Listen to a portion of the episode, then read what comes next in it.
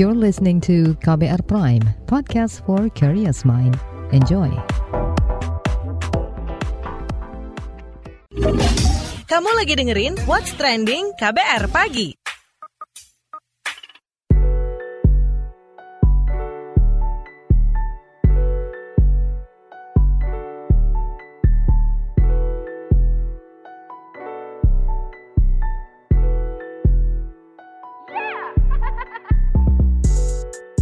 KBR Pagi, siaran pagi radio paling update. Selamat pagi, apa kabar Anda hari ini di hari Senin 18 Juli 2022? Mudah-mudahan semuanya dalam keadaan baik-baik saja dan tetap semangat menjalani hari Senin ini. Udah ketemu Senin lagi soalnya. Pagi ini kita ngobrolin soal mengenal program wirausaha merdeka yang baru diluncurkan. Nah, jadi Kementerian Pendidikan, Kebudayaan, Riset, dan Teknologi Republik Indonesia meluncurkan program Wira Usaha Merdeka Spesial bagi para mahasiswa yang memiliki ketertarikan terhadap dunia wira usaha. Mendikbud Ristek Nadiem Makarim berharap mahasiswa menjadi agen perubahan yang mampu membantu meningkatkan kualitas ekonomi masyarakat. Nah saat meluncurkan program Wira Usaha Merdeka 2022 akhir pekan kemarin, Nadim juga berharap mahasiswa menjadi agen penggerak yang memberikan solusi inovasi untuk membuka lapangan pekerjaan. Mahasiswa yang diharapkan menjadi agen pelopor untuk menumbuhkan potensi kewirausahaan baru di tanah air. Menurut Mas Menteri, saat ini Indonesia memiliki jumlah wirausahawan paling rendah di Asia Tenggara, yakni hanya 3,4 persen dari total penduduk Indonesia. Menteri Nadiem menegaskan Wirausaha Merdeka adalah bagian dari program Kampus Merdeka yang memberikan kesempatan kepada mahasiswa belajar dan mengembangkan diri menjadi calon wirausahawan melalui aktivitas di luar kelas perkuliahan. Program Wira Usaha Merdeka berkolaborasi dengan semua perguruan tinggi pelaksana program guna mengembangkan pembelajaran wira usaha yang mampu mengasah kewirausahaan, meningkatkan pengalaman wira usaha, dan meningkatkan kemampuan daya kerja mahasiswa. Sebelum kita bahas lebih lanjut, seperti biasa kita dengarkan komentar warganet plus 62 berikut ini.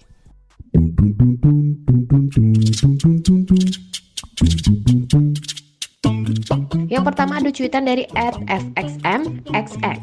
Hashtag Wirausaha Merdeka ini rangkaian acara buat para pengusaha yang mau mengembangkan dirinya. Jadi kemarin-kemarin ini ada training buat para mitra tentang bagaimana menjalankan usaha dengan lebih baik. Lanjut ke cuitan dari @masmanxx. Selamat siang sob, ada kabar gembira nih buat kamu sobat mahasiswa yang punya passion dalam berwirausaha. Kalau kamu bisa terlibat dalam program wirausaha merdeka ini, kira-kira bisnis apa nih yang ingin kamu garap sob? Beralih ke cuitan @sugaringxx. Ternyata kemarin juri saran collab ide bisnisku sama anak-anak teknik itu di Wirausaha Merdeka at ALXX. Program Kampus Merdeka akan membuat mahasiswa dapat melakukan kegiatan pembelajaran di luar kampus, seperti melakukan magang, proyek di desa, mengajar di sekolah, pertukaran pelajar, penelitian, kegiatan wirausaha, proyek independen. Lalu ada at underscore Nusa XX. Satu lagi program Merdeka Belajar Kampus Merdeka yang berkaitan dengan kewirausahaan, yaitu Wirausaha Merdeka atau WM. Yuk yang kepo dan tertarik dengan program ini, silakan daftar dan ikuti kegiatan sosialisasi program Wirausaha Merdeka.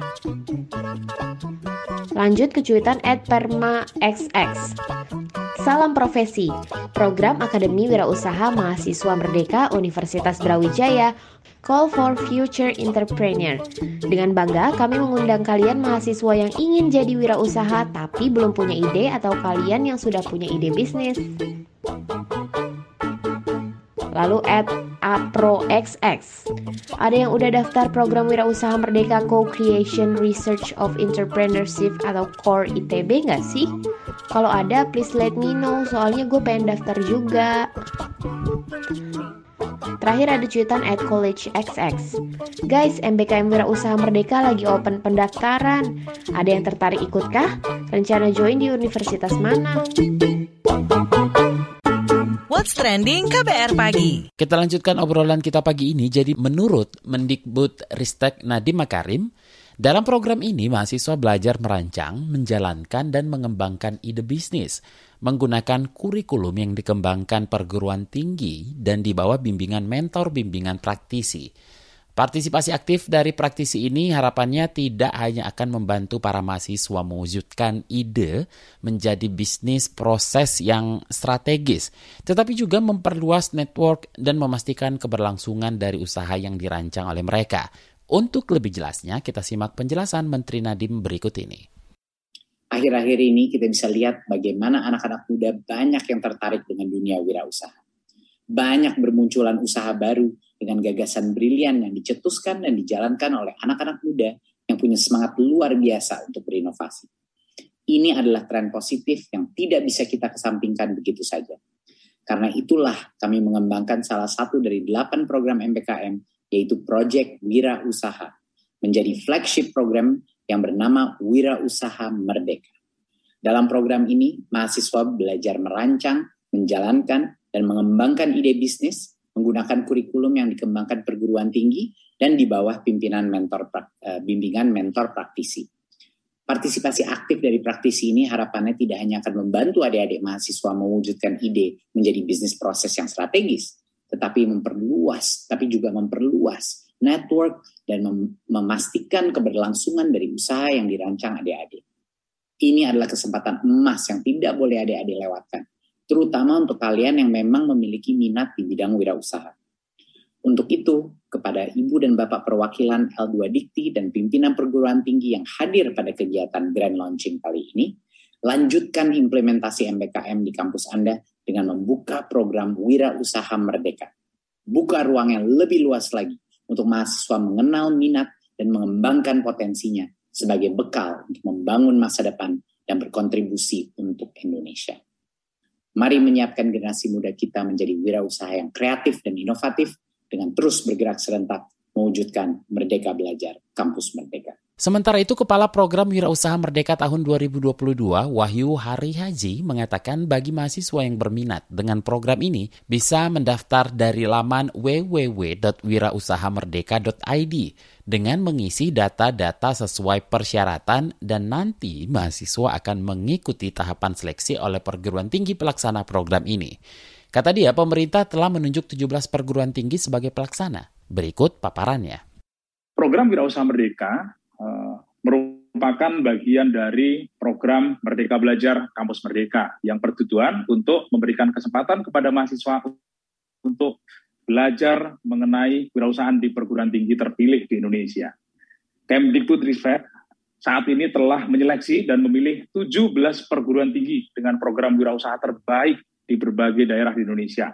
Dari 17 perguruan tinggi yang terpilih ini, telah cipta setidaknya ada 12.900 lowongan peserta yang terdiri dari 9.800 untuk mahasiswa akademik dan 3.100 untuk mahasiswa vokasi yang dapat diikuti oleh mahasiswa di Indonesia.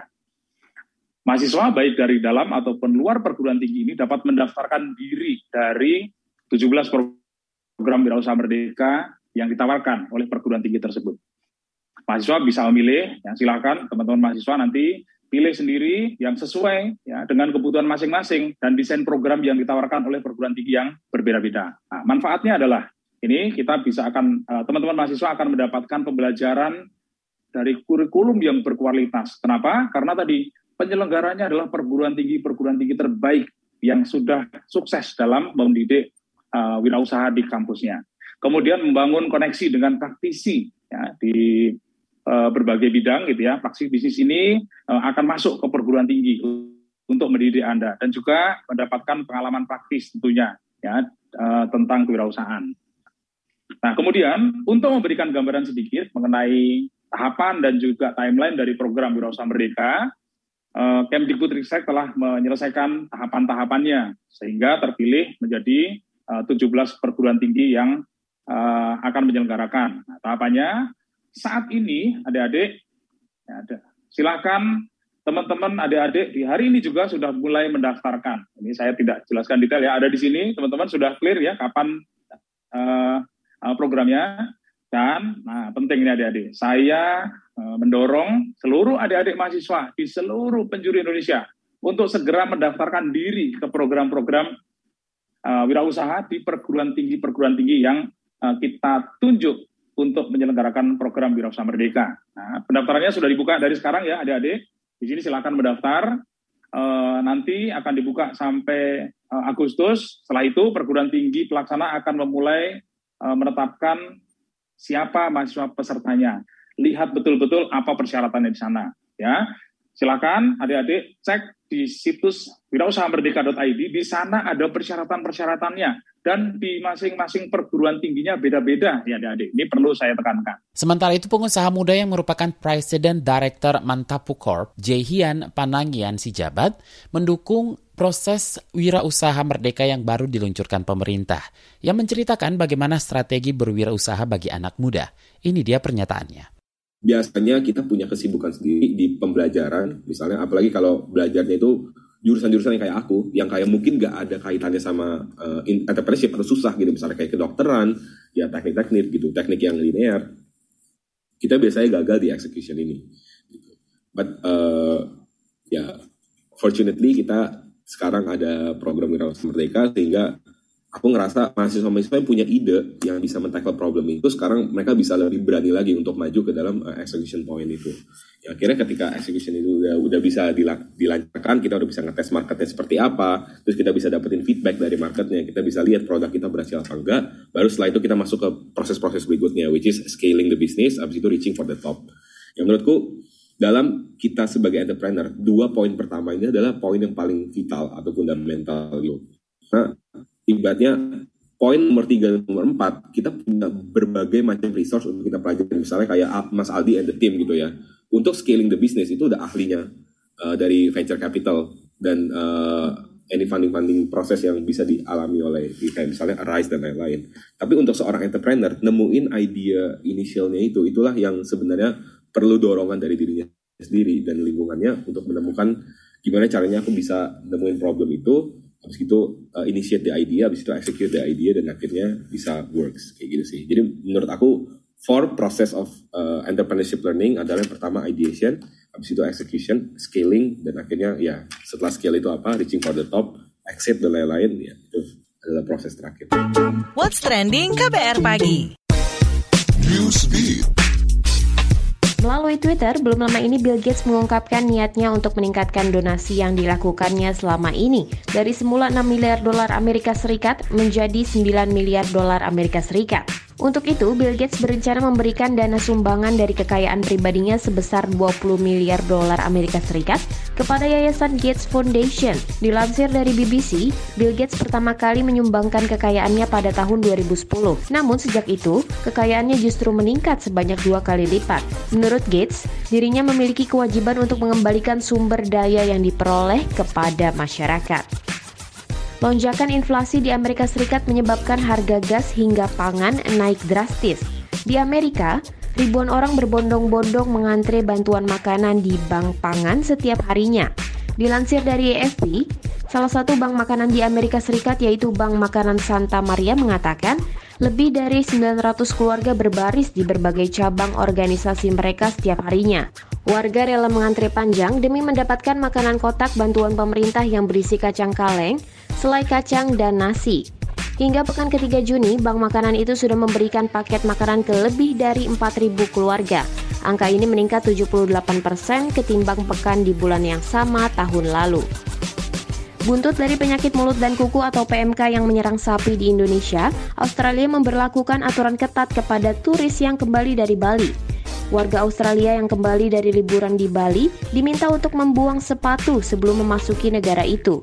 Menurut Deputi Perdana Menteri New South Wales, Paustul mengatakan, penyakit PMK pada sapi atau hewan ternak lain dapat menyebar melalui pupuk kandang. Artinya, ada risiko yang disebarkan lewat sepatu turis yang terkontaminasi di Bali. Jika wabah PMK terjadi, maka pemerintah Australia harus memperlakukan pemusnahan massal hewan ternak yang akan menyedot APBN dalam satu tahun. What's Trending KBR Pagi. Masih bersama saya Don Brady di What's Trending KBR Pagi mengenal program Wira Usaha Merdeka yang baru diluncurkan, itu yang kita obrolin pagi ini. Jadi Koordinator Nasional Jaringan Pemantau Pendidikan Indonesia JPPI, Ubaid Matraji, memberi sejumlah catatan terhadap program Wirausaha Merdeka. Ia menilai perlunya meningkatkan soft skill para peserta, melakukan pendampingan, memonitor, serta mengevaluasi program tersebut agar tak hanya membuang anggaran saja. Lebih lanjut, kita obrolkan saja langsung bareng Koordinator Nasional Jaringan Pemantau Pendidikan Indonesia, Ubay Matraji. Oke, bagaimana nih Pak eh, pendapat Anda soal program Wirausaha Merdeka yang diluncurkan Kemendikbud? Adakah saran dan masukan Anda?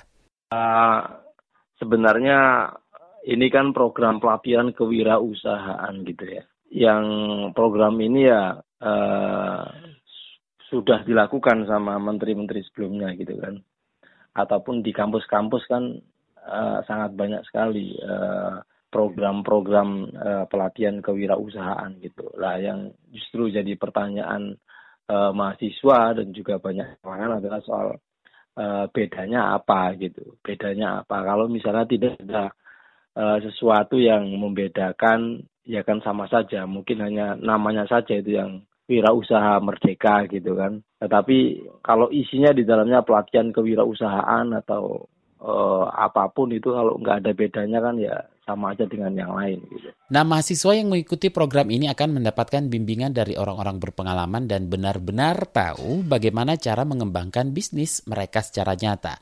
Apakah efektif? Apa saran dan masukan Anda supaya program ini bisa efektif?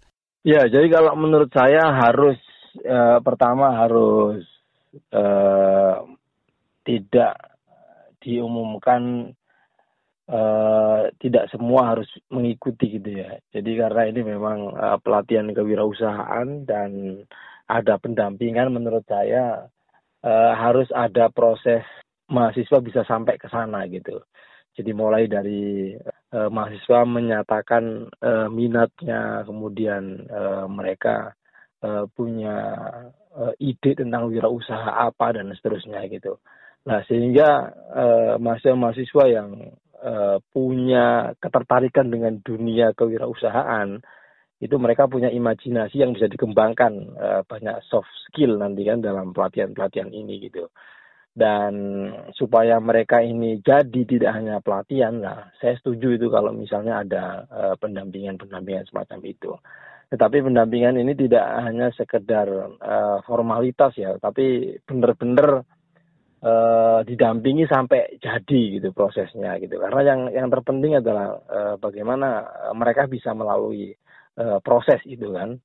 Dan di proses itu uh, tidak hanya pada persoalan berangkat dari ide lalu menjadi sebuah sebuah gerakan kewirausahaan, tetapi bagaimana mereka mengetahui tentang menjadi wirausaha uh, yang sebenarnya gitulah soal bagaimana uh, mengembangkan ide, bagaimana membangun sebuah jaringan, bagaimana memasarkan sebuah produk, bagaimana kalau kita mengalami kerugian dan seterusnya itu menjadi penting gitu. Karena selama ini orang mengimajinasikan wirausaha itu uh, sebuah uh, satu lini yang sangat menguntungkan gitu. Orang tidak berpikir bahwa uh, di wirausaha juga ada resiko soal uh, persaingan, ada resiko soal kegagalan, ada resiko soal uh, jaringan yang buntu dan seterusnya lah.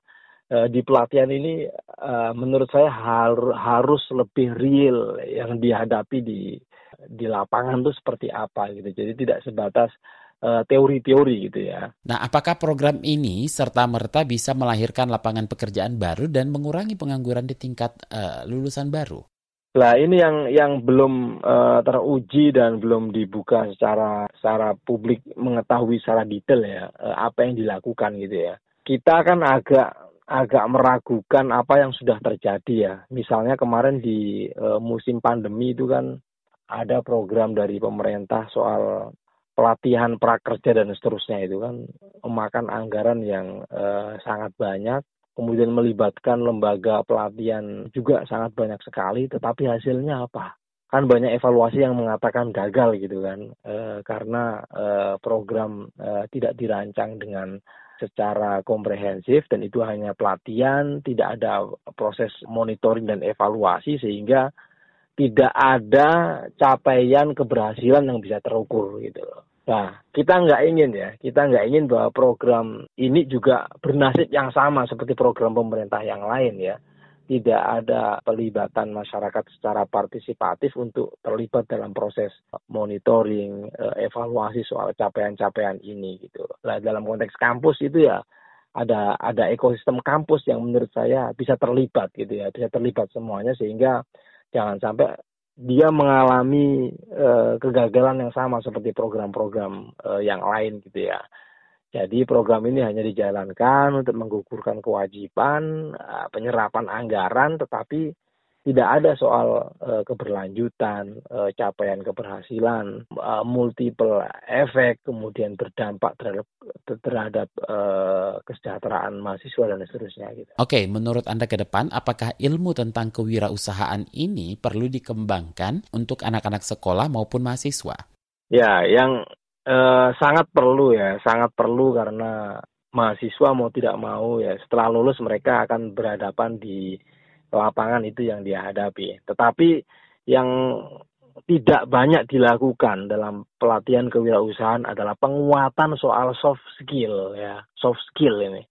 Lagi-lagi soft skill ini yang kita kurang ini ya.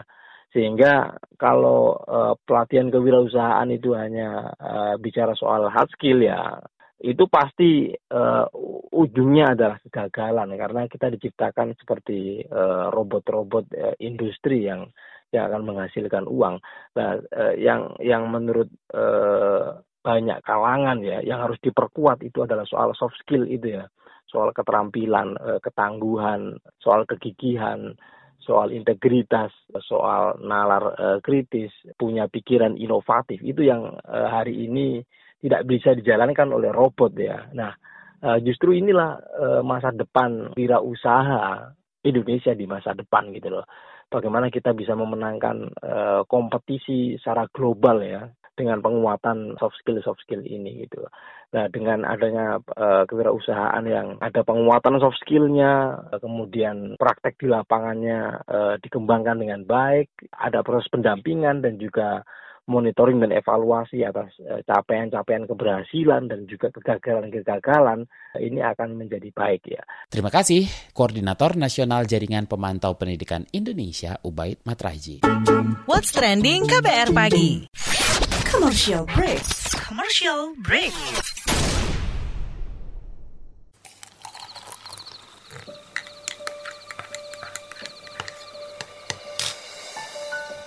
Hai, kamu apa kabar?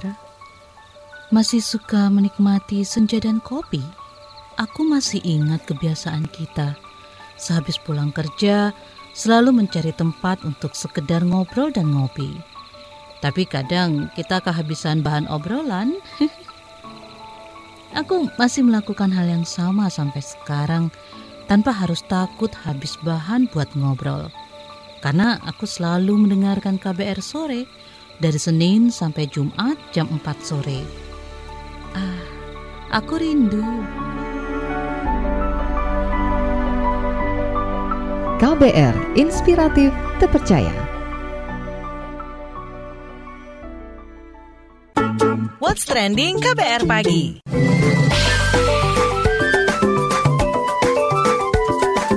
WhatsApp Indonesia. WhatsApp Indonesia dimulai dari Jakarta. Konfederasi Serikat Pekerja Indonesia (KSPI) bersama sejumlah elemen buruh rencananya akan berunjuk rasa di depan Balai Kota DKI Jakarta besok. Presiden KSPI Said Iqbal mengatakan buruh akan meminta Gubernur DKI Jakarta untuk banding ke Mahkamah Agung terkait putusan PT UN Jakarta soal upah minimum provinsi UMP DKI 2022. Presiden KSPI Said Iqbal menegaskan para buruh tetap menolak keputusan PT UN Jakarta yang membatalkan kenaikan UMP DKI tahun 2022 Menurut Said, tidak boleh ada penurunan upah di tengah jalan karena berpotensi menimbulkan kekacauan, termasuk menimbulkan konflik antara pengusaha dan pekerja. Masih dari Jakarta, Presiden Joko Widodo berharap Sarinah bertransformasi menjadi ikon bangsa di Indonesia. Renovasi gedung cagar budaya ini mestinya bukan hanya mempercantik fisik dan interior saja, tetapi juga tentang konsep Sarinah sebagai etalase produk UMKM. Dengan begitu, kehadiran Sarinah akan menjadi efek pengganda bagi produk-produk dalam negeri. Presiden Jokowi telah meresmikan transformasi Sarinah pekan lalu. Jokowi menuturkan, sejak beroperasi kembali empat bulan lalu, jumlah pengunjung Sarinah sudah mencapai 5 juta orang. Terakhir mampir Yogyakarta, Masalah sampah masih menjadi problem bagi masyarakat di beberapa wilayah, salah satunya di Desa Girirejo, Kecamatan Ngablak, Kabupaten Magelang. Guna mengatasi permasalahan sampah tersebut, Fakultas Teknologi Industri Universitas Islam Indonesia FTI UII sepakat membantu pemerintah Desa Girirejo, Kecamatan Ngablak, Kabupaten Magelang dengan menghibahkan peralatan pengolah sampah yang dibutuhkan sehingga sampah bisa terurai. Peneliti dan dosen program studi teknik kimia program sarjana FTI UII, Holila Tamzizi mengatakan, peralatan tersebut berupa insenerator ramah lingkungan. Cara bekerja insenerator tersebut adalah memproses sampah organik menjadi pupuk kompos dan sebagian diolah dengan teknologi maggot sebagai bahan ternak. Kata dia, limbah cair yang dihasilkan oleh pembakaran tersebut bisa dibuang ke lingkungan. Selain itu, asap yang dihasilkan sudah relatif bersih daripada sampah yang dibakar seperti biasanya. Menurut Holila, sampah anorganik yang dihasilkan dapat dimanfaatkan ulang, dikumpulkan untuk dijual kepada pengepul. Sedangkan sampah residu yang terdiri dari plastik tidak layak jual dan popok dikirimkan ke Dinas Lingkungan Hidup Kabupaten Magelang. Dekan FTI UII Hari Purnomo menambahkan program tersebut sebagai implementasi pelaksanaan kegiatan Catur Dharma Perguruan Tinggi dan program Merdeka Belajar Kampus Merdeka. Pengolahan sampah ini diharapkan dapat memberikan lapangan pekerjaan bagi pemuda-pemudi desa dan menjaga lingkungan tetap bersih. Demikian WhatsApp Indonesia hari ini. Demikian kabar pagi hari ini. Jika Anda tertinggal siaran ini, Anda kembali bisa menyimaknya di podcast What's Trending yang ada di Spotify, kbrprime.id, dan di aplikasi mendengarkan podcast lainnya. Don't beredi undur diri, besok kita ketemu lagi. Stay safe. Bye-bye. Terima kasih ya sudah dengerin What's Trending KBR Pagi. KBR Prime, cara asik mendengar berita. KBR Prime, podcast for curious mind.